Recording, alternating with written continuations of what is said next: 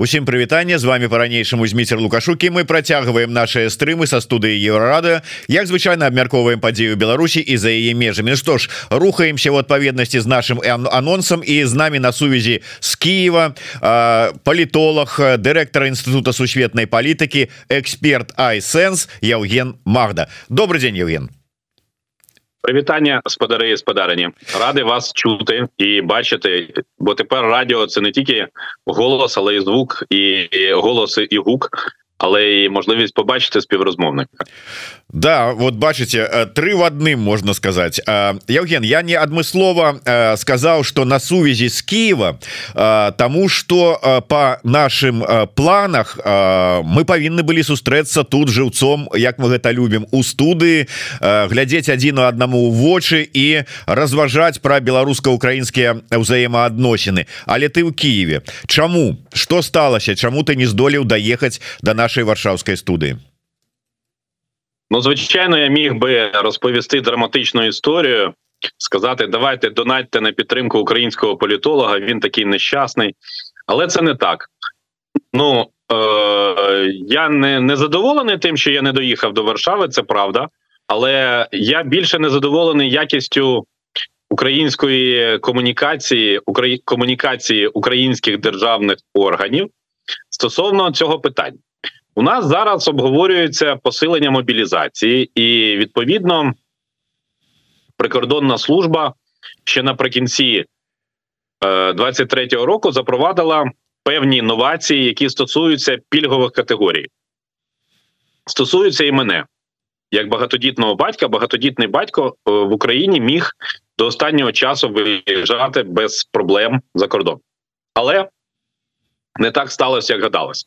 Хоча я відвідав е, територіальний центр комплектації, і там переконалися в тому, що я лишаюся багатодітним батьком, і поставили мені штамп військовий квиток, але прикордонникам цього виявилось недостатньо, бо в мене не було довідки про відстрочку під час мобілізації.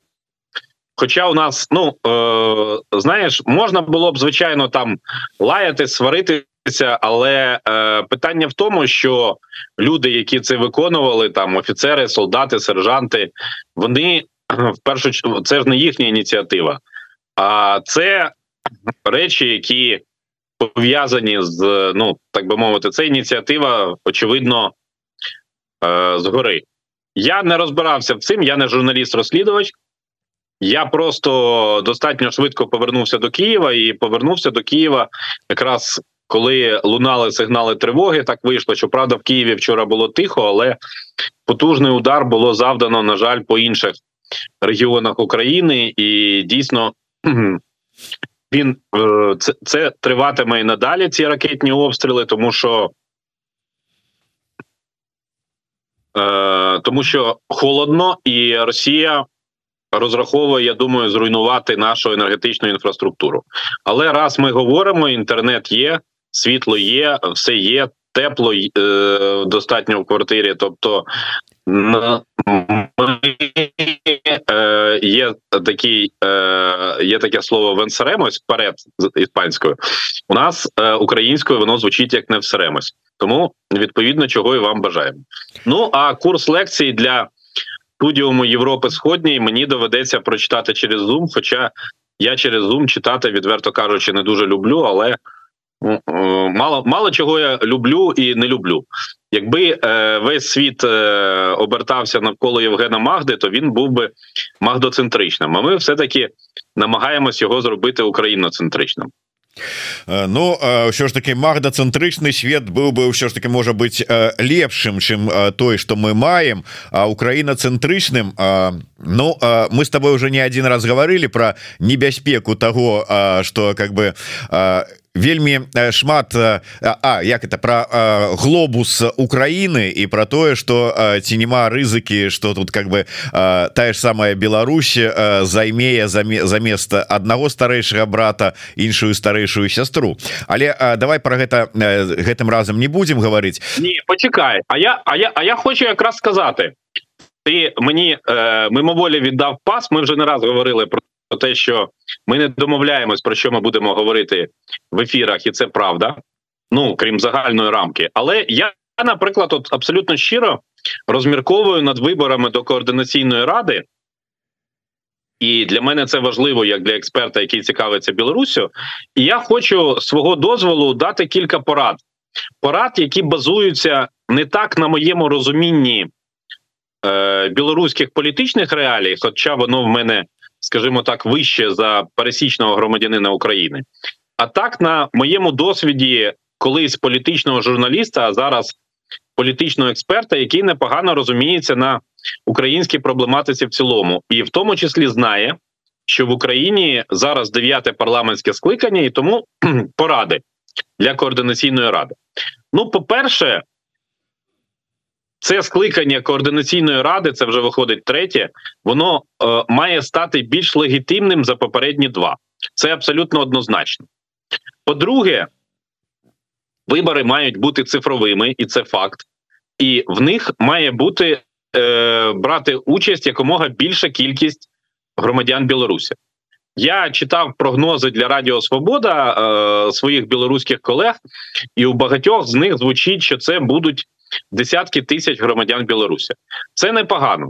Я нагадую, що немає нижньої планки в більшості європейських країн, і це насправді добре. Але е, давайте ми все таки будемо реалістами і будемо розуміти, що з території Білорусі в цифровому навіть вигляді мало людей проголосують за координаційну раду. Ну це чесно, тому що коли у людини стоїть вибір, чи вона опиниться за ґратами, чи вона проголосує за координаційну раду, то вибір, в принципі, очевидний.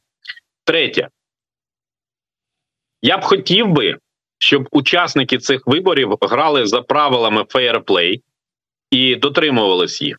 І, зокрема, самі для себе з'ясували, що питання, якщо вибори цифрові, використання ботів і тролів, воно буде поганим для, для всіх. Воно буде поганим для всіх. Четверте, щоб учасники виборів розуміли, що їхній головний опонент носить прізвище Лукашенко, а не будь-яке інше прізвище, яке Олександр Лукашенко, бо я знаю людину з прізвищем Лукашенко дотичну до білоруських добровольців.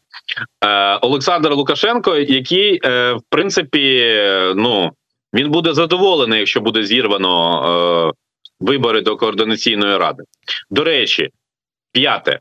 Якби вибори до координаційної ради встигли провести разом з так званим єдиним днем голосування, це було б непогано. Це б дозволило привернути більше уваги до цього процесу. Шосте, я бачу, що є досі дискусія про те, як будуть проходити ці вибори. Вони мають проходити за максимально простими правилами. Мої шановні білоруські сябри і сябровки, благаю вас, не робіть точно відкриті партійні списки. Ви за ними ще ніколи не працювали. Ви я б використав інше дієслово, але я скажу виховано втомитись, просто рахувати, рухати і так далі. Це е, в даному випадку не так важливо. Важливіше отримати координаційну раду як представницький орган білоруського суспільства. І сьоме, мабуть, наостанок, я б хотів би, щоб е, координаційна рада поступово рухалась в бік парламентської республіки. Я поясню за моїми спостереженнями сьогодні білоруські демократичні сили вони відтворюють суперпрезидентську республіку Лукашенка. Це погано для них, тому що відтворювати суперпрезидентську республіку, не маючи реальних повноважень, це все одно як створити з ну каргокульт, створити з палок і гілок модель літака, а потім з'ясувати, що він нікуди не летить. Наголошую, що це виключно поради, поради сусіда. А як ви будете проводити е, вибори до координаційної ради? Це вже питання, я думаю, яке е, самі і представники координаційної ради, і учасники процесу вирішать. Ну може ще останнє восьме. Це те, е, про що я говорив не раз своїм білоруським колегам. Що якби був якийсь спостережний орган, я розумію, що від слова центр виборчкому прізвище Єрмошина у всіх погані відчуття. Але спостережний орган, скажімо, з представників країн Люблінського трикутника, хоча б це було б це підняло авторитет до цього е, авторитет цього процесу. В цілому, все і ну стосовно цього питання, я б хотів, я, я вболіваю за новий склад координаційної ради в цілому, і сподіваюся, що в ньому буде комісія не лише з міжнародних зв'язків, але й безпосередньо з білорусько-українських відносин.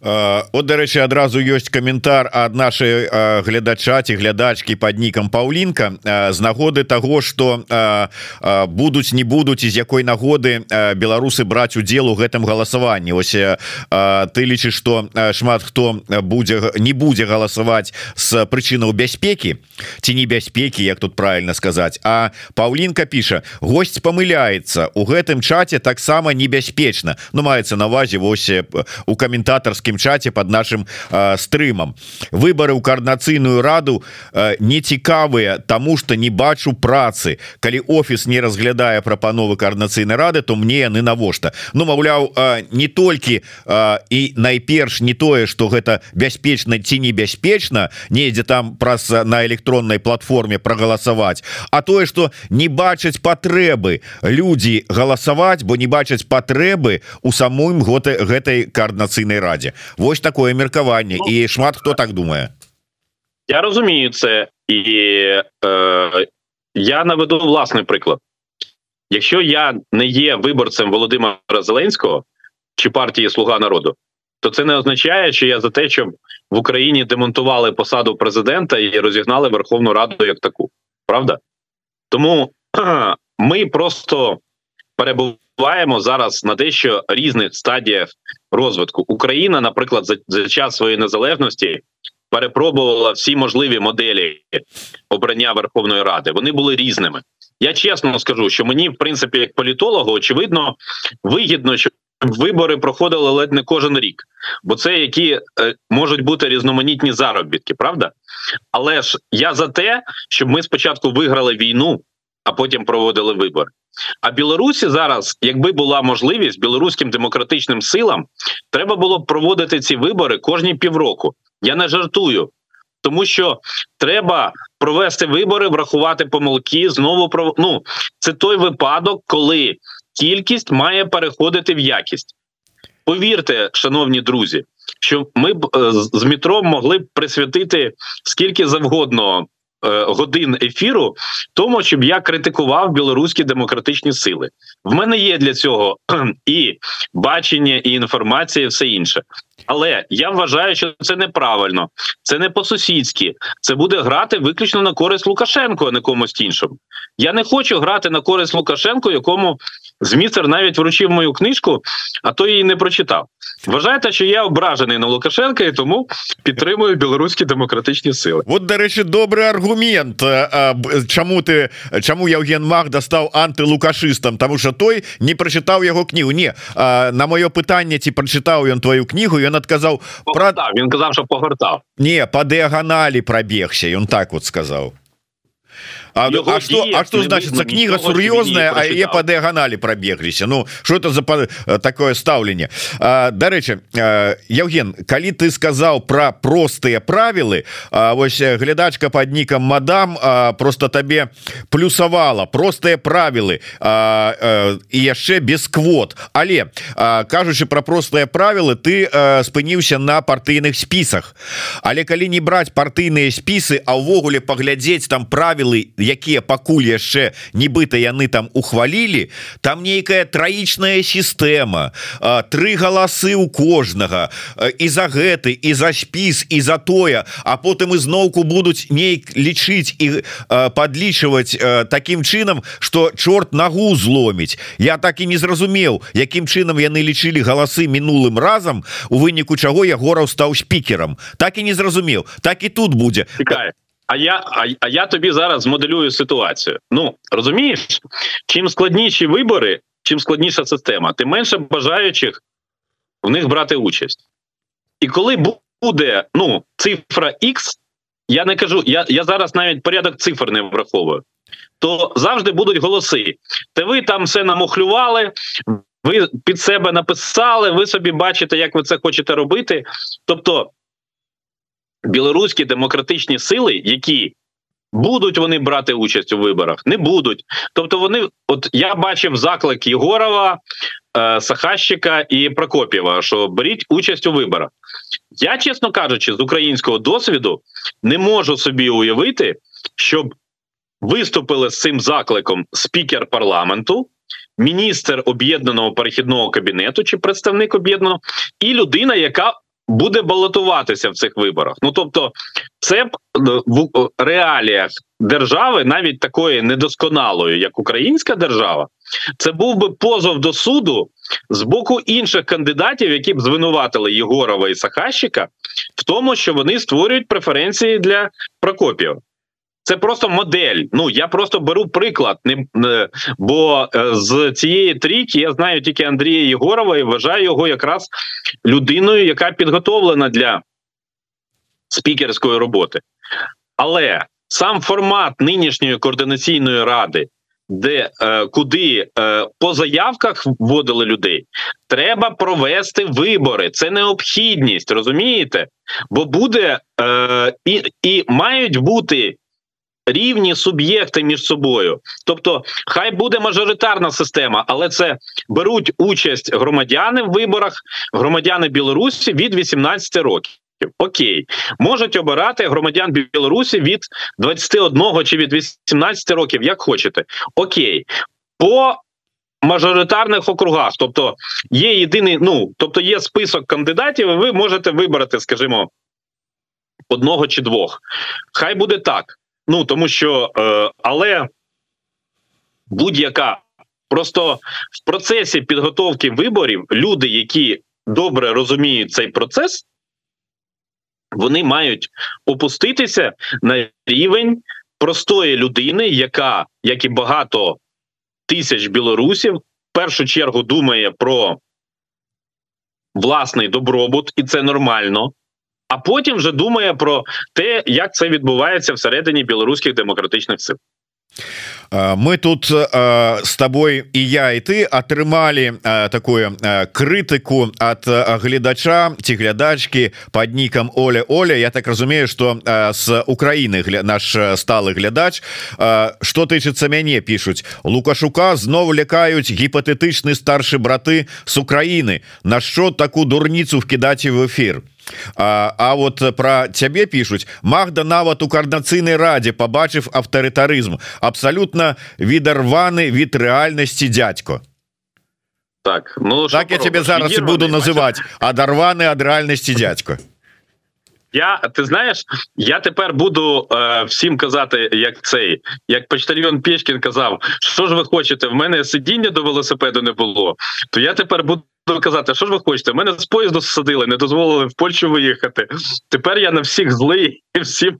Я вчора, наприклад, в ефірі польського радіо для України спитав, чи залишається Польща унітарною державою. Це теж цікаве питання. Так що дістається не тільки білорусам. Терпіть, терпіть, шановні. і Оля Оля працягвае теж не разуме не разумею для чаго тыя парады трэба радзіць і беларусам трэба радзіць і беларусам браць да рук зброю. Вы выдаюце в а выдаюце ее в ПКК усім жадаючым по-украінску напісана я пераклаў на беларускую тому что а, не, не прочитаю. я можу можу можу поставити питання а чи існує статистика між е, стати... Ну я розумію, що статистика е, руху людей всередині ПКК вона е, має бути засекречена. Ну для того, щоб не знати. Ну тому що я розумію специфіку калиновців. Я з ними спілкувався і був і на конференції Шлях до волі, і з низкою з них знайомий і раніше. Ну тому, в принципі. Е, це це добра добра теза е, брати рук до е, до рук зброю і йти захищати Україну. Я це повністю підтримую. Хоча я не бачу у держави Україна стратегії щодо збільшення чисельності полку Калиновського, так відверто кажучи. Такої стратегії я не бачу. Тобто я розумію, чому не показують там скільки діючих скільки колишніх, скільки е, скільком е, дали відмову, скільки там, наприклад, вже повернулося до Польщі та Литви. Це це взагалі ну е, статистика, яка може бути швидше шкідливою. Але коли нам говорять, що не давайте поради, добре, не буду давати поради. Тоді давайте закінчуємо ефір і до побачення. Uh, ну uh, ведаеце калі uh, один глядач лічыць там ці два ці колькі что укра украінскі эксперт не можа даваць свае там парады ці там выказваць сваё бачанне нейкіх працэсаў беларусам Ну то это іх права Таму что чаму мы можем прыслухоўвацца да парадаў умоўнага каца ці арестовича ці яшчэ там якога-нибудь халера ведае каго з бугра а, а да парадаў Магды мы не мусім прыслухоўвацца До речі арестович який перебувае за межами України мае більше шансів зараз потрапити до студії Єврорадіо ніж я Uh, Ну uh, пытанечка хотя один раз uh, за апошнія два гады он быў у нас в эфиры Праўда не ў студыі а зумом але тым не менш Ну але я думаю что ты яго абскачешь у тым сэнсе что хутчэй все ж таки ты станешь пазаштатным дарадцам офіса тихохановскай чым арестович не возьмуть яго Ну у нього у нього є в активі зустріч з Світланою Тихановською ще півтора роки тому. А я з нею особисто не знайомий. Навіть я її бачив. Я її бачив в Карпачі ще в 21-му і 22-му роках. Тому, от е, тут е, він він так би мовити, поки має гандікап, він мене переганяє, і ну... я просто пам'ятаю який захват у колах е, білорусів викликала зустріч Арестовича Стехановського, я питав, чому людина, яку називають президент-електом, зустрічається з радником керівника офісу президента, тобто ну з людиною, яка за рангом е, не, незрівняно нижча. Але кожен обирає сам собі співрозмовників, як власне, і ми з тобою. Ну, вот бач я хотел тебе сказать что ну нічога як-небудзь тут сарганізуем табе сустрэчу с тихохановской дзе-нибудь у варшаве але потым прыгадаў что ты цяпер не выязны до варшавы. Из гэтай нагоды пока еще да пока яшчэ але тым не менш из гэтай нагоды как бы пытанне А як ты лічыш наколькі верагодна ўсё ж таки візит тихохановской до Киева у 24 годзе і что что хто мусіць якія дзеянні зрабіць для того каб гэты візіт адбыўся? Мы зараз не кажам нават про сустрэчу не сустрэчу з зяленскім а увогуле візіт. Якщо пані Світлана отримає дозвіл литовського МЗС на те, щоб приїхати до Києва, і візит буде організовано, я звичайно її готовий зустріти і готовий в будь-який час з нею зустрітися, поспілкуватися, навіть дати кілька порад про те, як я собі бачу, і до речі, відзначити, що вона як політик росте. Це приємно відзначати, тому що я розумію, що її е, людська і політична доля доволі непроста. Я уважно подивився не тільки інтерв'ю з тобою, інтерв'ю і ток, і е, свобода. Тобто, в мене взагалі таке враження, що білоруські незалежні медіа парадом пройшли. Це це може у вас така традиція новорічна спілкуватися з Світланою Тихановською. Як в радянському союзі було це іронія судьби і з легким паром, то тут Світлана Тихановська розповіла всім про те, як як їм жити далі. Це перше. Але я так зрозумів, е, що е, ближчим часом пані Світлана сюди не приїде. Хоча я думаю, що буде інша подія. Я магдую, тобто прогнозую, що з'явиться таки в Україні представник по зв'язках, е, очевидно, з Білоруссю, можливо, з білоруськими демократичними силами. І я думаю, що це буде достатньо швидко. Бо поступово я скромно не буду нагадувати, що я є одним з авторів цієї ідеї. Я її просував в тому числі і в ефірі Єврорадіо. Але скажу, що це свідчення, це свідчення величезної мудрості українського політичного керівництва, яке усвідомлює, що фактор Білорусі є настільки важливим для України, що навіть поради опозиційно налаштованого політолога часом готове сприймати. Евген я б хотел просто каб ты вот человек які ўсё ж таки не з нашай унутранай кухні а с звонку сказал ты сказал такія словы калі ёй дасць дазвол літоўскі МЗС тут вот асабіста ты хто любіць пакрытыкаваць дзеянні не толькі тихохановскай але там кабінета і ўсіх астатніх кажуць А яна что там арыштаваная у літве Чаму і трэба дазвол там каб некуды поехать? А, вот а, там же сам латушка захацеў там ці кавалеўскі захацеў ці пазняк захацеў взяли квіток і поехали до Киева. Чаму яна не можа она свабодная жанчына вот патлумач чаму яна не можа Чаму правучалі фразы про літоўскі МЗС ну, це це по перше, я чув не раз від е, різних білоруських представників, що потрібен дозвіл білоруського литовського МЗС. Ну добре, що не білоруського. Якби був потрібен дозвіл білоруського МЗС, було б гірше. Я думаю, це раз. А по-друге, справа в тому, що Литва. У 20-му році, надавши політичний притулок по суті Світлані Тихановській, і не лише їй, вона е, ну пішла на я вважаю серйозний політичний крок і взяла за це на себе відповідальність за білоруські демократичні сили в цілому. Я бачу всередині Литви достатньо складні процеси. Е, я так розумію, ну пов'язані, до речі, з присутністю білоруських демократичних сил. Мене е, не, не, не зовсім переконав Валєр Ковалевський в поясненні, чому він переїхав з Вільнюса до Варшави. Я хотів його побачити в Варшаві. Бачив зараз, отак, от буду буду розповідати про свої плани на Варшаву. Вони не здійсняться. Я краще буду мовчати, а потім інкогніто приїду, і тоді буду вже домовлятися вже безпосередньо з Варшави. Якщо говорити серйозно, то я е, вважаю, що якби з України з офісу українського президента, бо він у нас всім керує. Офіс керує, не президент. Е, З офісу українського президента був би певний політичний сигнал. То Світлана Тихановська відклала б всі справи, отримала б е, згоду Литовського МЗС та вирушила до України буквально в той самий вечір.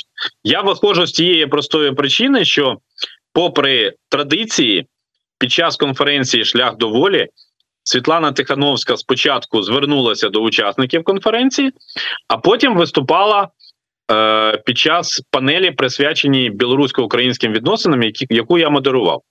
Правда, вона повторила практично одне і те саме. Тобто, це для неї, я так розумію, був експромт. Е, з'явитися, пам'ятаєш, як в цьому мультику вашу маму і тут, і там показують. От е, це збоку виглядало приблизно так. Я радий, що вона, е, ну вірніше, її оточення взяло на озброєння мою тезу про те, що без демократичної Білорусі немає безпечної Європи. Це мені безумовно приємно, але е, я готовий. При зустрічі поділитись новими тезами, як кажуть, як казали в Одесі в старі часи, їх є у мене. Добра давай вернемся до іншай темы вось про стратегію гэта наша с тобой любимая і балючая тема стратегія адносна там супрацы дзеянняў там с демократычнымі сіламі беларускімі. Про Беларусь не кажам. Вось ты кажаш про тое что будзе хутчэй за ўсё неўзабаве прадстаўнік ці там які дарацца по супрацы с... буде представник буде буде представ... Я думаю що буде представник України швидше за все українського МЗС, тому що як виглядає представник Верховної Ради в цьому контексті, я собі не уявляю. А формат е, спеціальних представників, ну, наприклад, є спеціальна е, посада спеціального представника з урегулювання конфлікту в Придністрові. До прикладу, є е, відповідний польський представник Артур Міхальський, і я, наприклад, побачивши такого польського представника, я пропонував цю посаду. Публічно пропонував створити в Україні, тому що Україна має більш сильну позицію на державному рівні і має її відповідним чином демонструвати, артикулювати і першою простягати руку. У нас немає настільки зараз багато грошей, щоб допомагати білоруським демократичним силам, але транслювати наш досвід з багатьох питань і боротьби з радянським минулим, і відновлення національної історії, і е, спільні дії, якісь з транзиту європейських цінностей. Бо в мене є припущення, що в середовищі білоруських громадян, які опинились за межами своєї батьківщини, скоро постане питання: от є у нас е, об'єднаний перехідний кабінет. А що він робить, крім виступів? Ну тобто, виступів і візитів Світлани Тихановської, там Валерія е, Ковалєвського, Павла Латушка. Що ще? Ну тобто, міжнародна активність, е, те, що тримають білоруське питання на належному рівні уваги в Європі, це добре, це good. А що роблять для пересічного білоруса? Що роблять для Зміцера Лукашука?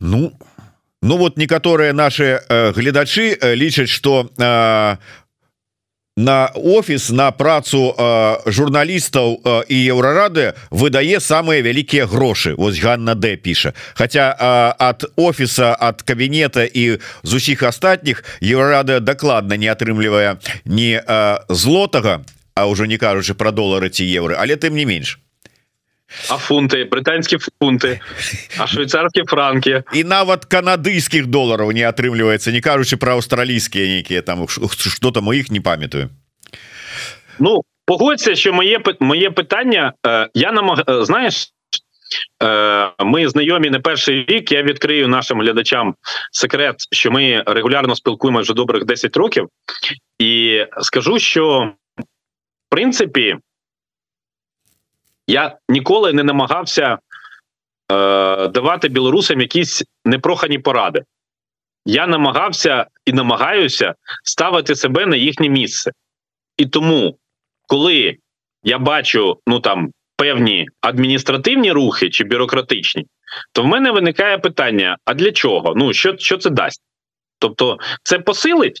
Я відверто кажу, понад рік тому намагався донести ситуацію до через свої можливості донести тезу про те, що якби уряд, а можливо разом з координаційною радою, тоді ще координаційна рада існувала в першому скликанні, її практично не було в інформаційному полі. Якби уряд, тобто об'єднаний перехідний кабінет і координаційна рада запропонували 10 е, ударних законів чи проєктів законів, чи 5 законів, і їх можна було б визначати, які з них мають бути в більшому пріоритеті, які в меншому, як розробляти, де, наприклад, судова система е- майбутньої нової Білорусі, Білорусі без Лукашенка, як? Вона вже постала? Я, наприклад, про це не чув. Як е, я е, тішуся, що наша спільна знайома е, Аліна Ковшик там багато зусиль з приводу національного відродження робить, і це дійсно, на мою думку, великий і потрібний крок. Тому що без цього я з українського досвіду кажу: не буде змін. Коли говорять, що мова це вам не ковбаса, то я вам можу інше сказати, що снаряди швидше прилітають туди, де Путін може сказати, що він захищає там російську мову. Подумайте над цим. Я розумію, що з-за кордону не можна змінити Конституцію Білорусі, скасувавши зараз статус російської мови як державної. Я більше скажу: Україна в умовах війни не може змінити 10 статтю своєї конституції, де написано, що держава гарантує розвиток російської та іншої мов національних меншин. Але у нас російська ніколи не була державною. Це я просто адепт, прихильник, послідовний прихильник того, щоб ми транслювали український досвід на Білорусь і білоруську спільноту в різноманітні способи. Чим у нас теза про тисячу кроків, яку я висловив перед зустрічю Арестовича з Тихановською, вона зберігає свою актуальність. Нам треба спільними зусиллями цього року, до речі, створити лічильник цих кроків, скільки ми цих кроків пройшли, як ми крокуємо і чого ми цим добилися. Тоді ми зможемо усвідомлювати, тоді ми зможемо рахувати. Дарэчы не толькі былы амбасадар Польшы у Беларусі Артур Михальскі стаў таким вось прадстаўніком Польшы у дэмакратычных Швецыі я знаю. да, яшчэ есть прадстаўніца Швецыі якая таксама ў свой час была амбасадаркай Швецыі у Беларусі але я про іншае Вось калі з'явец з'яўлення такога ва ўкраіне прадстаўніка Украіны у дэмакратычных сілах азначае что ўсё ж таки нейкая нейкая стратегія супрацы паміж Киевом і дэмсіламі беларускімі агулам яна все-таки з'явіцца ці пачне з'яўляцца нарэшце вот як ты ацэньваеш э, чесно кажучи я до цього ставлюся скептично тому що е, за моїми спостереженнями український політикум не розуміє що йому може дати Білорусь це українські політики це не я я розумію, для чого потрібна Білорусь, і з точки зору безпеки, і з точки зору спільного майбутнього, і з точки зору формування політичних націй в наших країнах. До речі, про це я читаю гостьовий курс е, в студіумі Європи Сходній. І буду говорити окремо про Білорусь, про свої спостереження в цьому питанні. Але такої стратегії немає. На жаль, е, вона ну, якщо я кажу, немає, можливо, вона існує на рівні е, для службового користування. Тобто, не е, я вважаю, що стратегія, як і будь-як як, як і ідея, вона повинна оволодівати масами, вона має бути зрозумілою. І якщо нам білоруси закидають, що ви там ледь не молитесь на Лукашенка, тому що він такий правильний, ви там з ним весь час дружили, то я скажу, що це не зовсім так. Просто ми завжди дивилися один на одного через крижинку російської пропаганди, і це теж факт. Зараз до неї долучилася російська, біл, е, вибач, білоруська офіційна. А Украї... в Україні поки що навіть немає сил для того, щоб сказати в ефірі марафону Єдині новини, що є Лукашисти, а є білоруси. І мені це не подобається. Я достатньо чітко для себе розділяю, що є прихильники Лукашенка, а є люди, які є його опонентами, є навіть його ворогами, які навіть поїхали з Білорусі, щоб не асоціюватися з Лукашенком. Але ми маємо підтримувати всіх опонентів Лукашенка, тому що Лукашенко говорить, що він співагресор. Це він сам сказав. І відповідно, це його маска, не маска. Ми будемо на цьому розбиратися з цим під час судового процесу над Лукашенком і над Путіним, який повинен бути. Бо якщо його не буде, тоді постане питання справедливості глобальної. Сотні, а може й тисячі вбитих українських дітей. Я вже не кажу про дорослих. Вони хіба не говорять про необхідність такої справедливості, про необхідність суду над людей над людьми, які говорили, що ми братерські народи, а потім прийшли нас вбивати. Хіба це справедливість? Хіба це не заслуговує на справедливий суд світової спільноти над такими людьми? Євген, все ж таки э, давай звернемся ад э, э, такого наўпрост беларуска-украінскіх дачыненняў да можа быть конкретно того что адбываецца нават не тое что там в украінском палітыкуме а на фронте. А дакладней у міжнароднай палітыцы але что мае дачынение конкретно до да войны першыя дні нового года принеслі как такое навіну ці навіну інфармацыю с ЗША про тое что ЗША будзе падтрымліваць і фінан надаваць фінансы Украіне і надалей але ўжо не ў тым аб'ёме як у папярэднія гады. Нешта незразумелая сітуацыя с пазіцыяй Еўросаюза кажуць про тое что мы будем до конца с Украиной Евросоюз але что это значит до конца мысленно вместе как говорил Остап Бендер ці что вот як ніякого такого удакладнения Як ты оцениваешь все ж таки с чым у 24 год у сэнсе заходняй падтрымки прыйшла Украина буде брехнею якщо я скажу що все добре це не так але я прихильник того, що шукаючи допомоги, треба починати в першу чергу з себе. І якщо у нас є в державному бюджеті другорядні статті фінансування, які ми досі не скоротили і не відправили ці гроші на оборону, то ми в такий спосіб даємо нашим друзям, не друзям, кому завгодно. Ми даємо можливість говорити: а чого ви отак от робите чи ні? Чому, наприклад, ну, це знаєш, як людина, яка. А таке, я думаю, в Україні в Білорусі, може, і в Польщі є.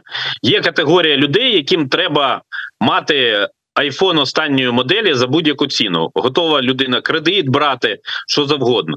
От ми не повинні в умовах, коли війна вже триває скоро 700 днів. Широкомасштабне вторгнення я маю на увазі, бо реально війна війна е, триває з 2014 року. Ми не маємо. Отримувати гроші, а при цьому казати: ну, ми ваші гроші не крадемо. А якщо крадемо, то зі свого бюджету. Так не це, це так не спрацьовує. Треба бути реалістами. Треба бути яскравими в цьому розумінні. Треба бути чіткими в власному баченні шляхів до перемоги. Якщо ми самі чітко не скажемо, я дуже сподіваюся, що для української влади і для українського населення 23-й рік став роком прощання з ілюзіями. Тому що війна не закінчиться, на жаль, за 2-3 тижні, і Росія сама по собі не розвалиться. Над цим теж треба працювати і створювати підстави, за якими світ буде відчувати, що їм цікаво це, і працювати над цим, і бути яскравими і зрозумілими. Тому що якщо ми не зрозумілі для наших партнерів, то гроші вони для нас давати не будуть. А ми потрапляємо в рік виборів: виборів до Європарламенту, виборів у Британії, президентських і парламентських виборів в Сполучених Штатах, тих самих перевиборів Путіна в Росії. І це все я вже не кажу про пере, е, вибори в Білорусі. Е, і єдиний день голосування це окрема пісня сумна, як у собаки взимку, коли холодно. Так от, Якщо ми не будемо чітко говорити, що ми змінюємо всередині своєї країни, то просити гроші і розраховувати, що нам будуть давати гроші від пуза віялом, це щонайменше наївно. Є проста залежність. Чим більше нам допомагає Захід, тим менше наших захисників загине. Дуже проста.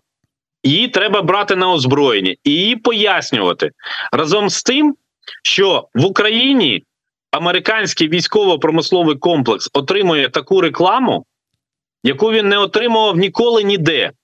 Використання Петріот, Хаймарс і інших різних різновидів озброєння в реальних бойових умовах.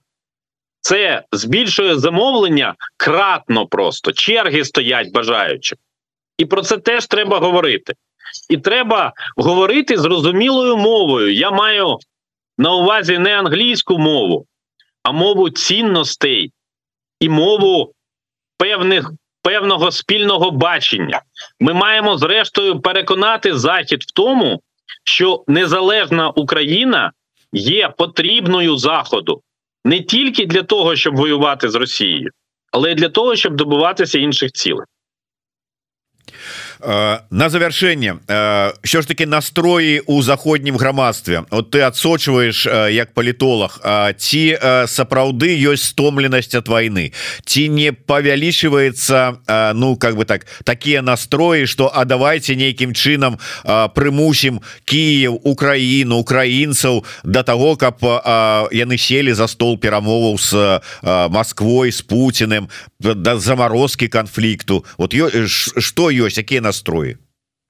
Для того, щоб примусити людей е, сісти за стіл переговорів з Путіним в нинішній ситуації, людям, які про це говорять, треба спочатку навчитися піднімати з мертвих тих, кого вже вбила тут Росія. Ми зазнали великих жертв, і це не секрет. Тому практично у кожного є люди, знайомі, близькі, родичі, які загинули в цій війні чи зазнали важких травм. І як до цього примусити українське керівництво, я особисто собі уявити не можу. А від війни чомусь втомлюються ті, хто безпосередньо не воює. Україна, мабуть, теж сильно втомилася від війни, але розмов про те, а давайте домовлятися з Росією, я, чесно кажучи, чи від жодного притомного політика, чи від жодного притомного громадянина України я ніколи не чув. Дякую вялікі На жаль трэба завершаць нашу размову. На завяршэнне хацеў бы параіць усім подписываться на телеграм-канал буст беларуска-украінскі спастерегач шмат цікавай інфармацыі про беларуска-украінскія ўзаемаадносіны там ёсць Ну і безумоўна подписывайтеся на телеграм-канал Евгена Марды Ну і YouTube канал еврорады дзе Евген Магда заўсёды чаканы і даволі часты А может быть правда не так часто як нам хотелось б але гость тому штат, штат. Кличте вже в штат щоб я ставав у вас колумністом трэба подумать над гэтым пытанням сапраўды калумніст Магда гучыць горда скажем так. Дякую вялікі тому завершаем наш эфир. Слава Украіне жыве Беларусь. Героям слава і жыве вечна Дякую дуже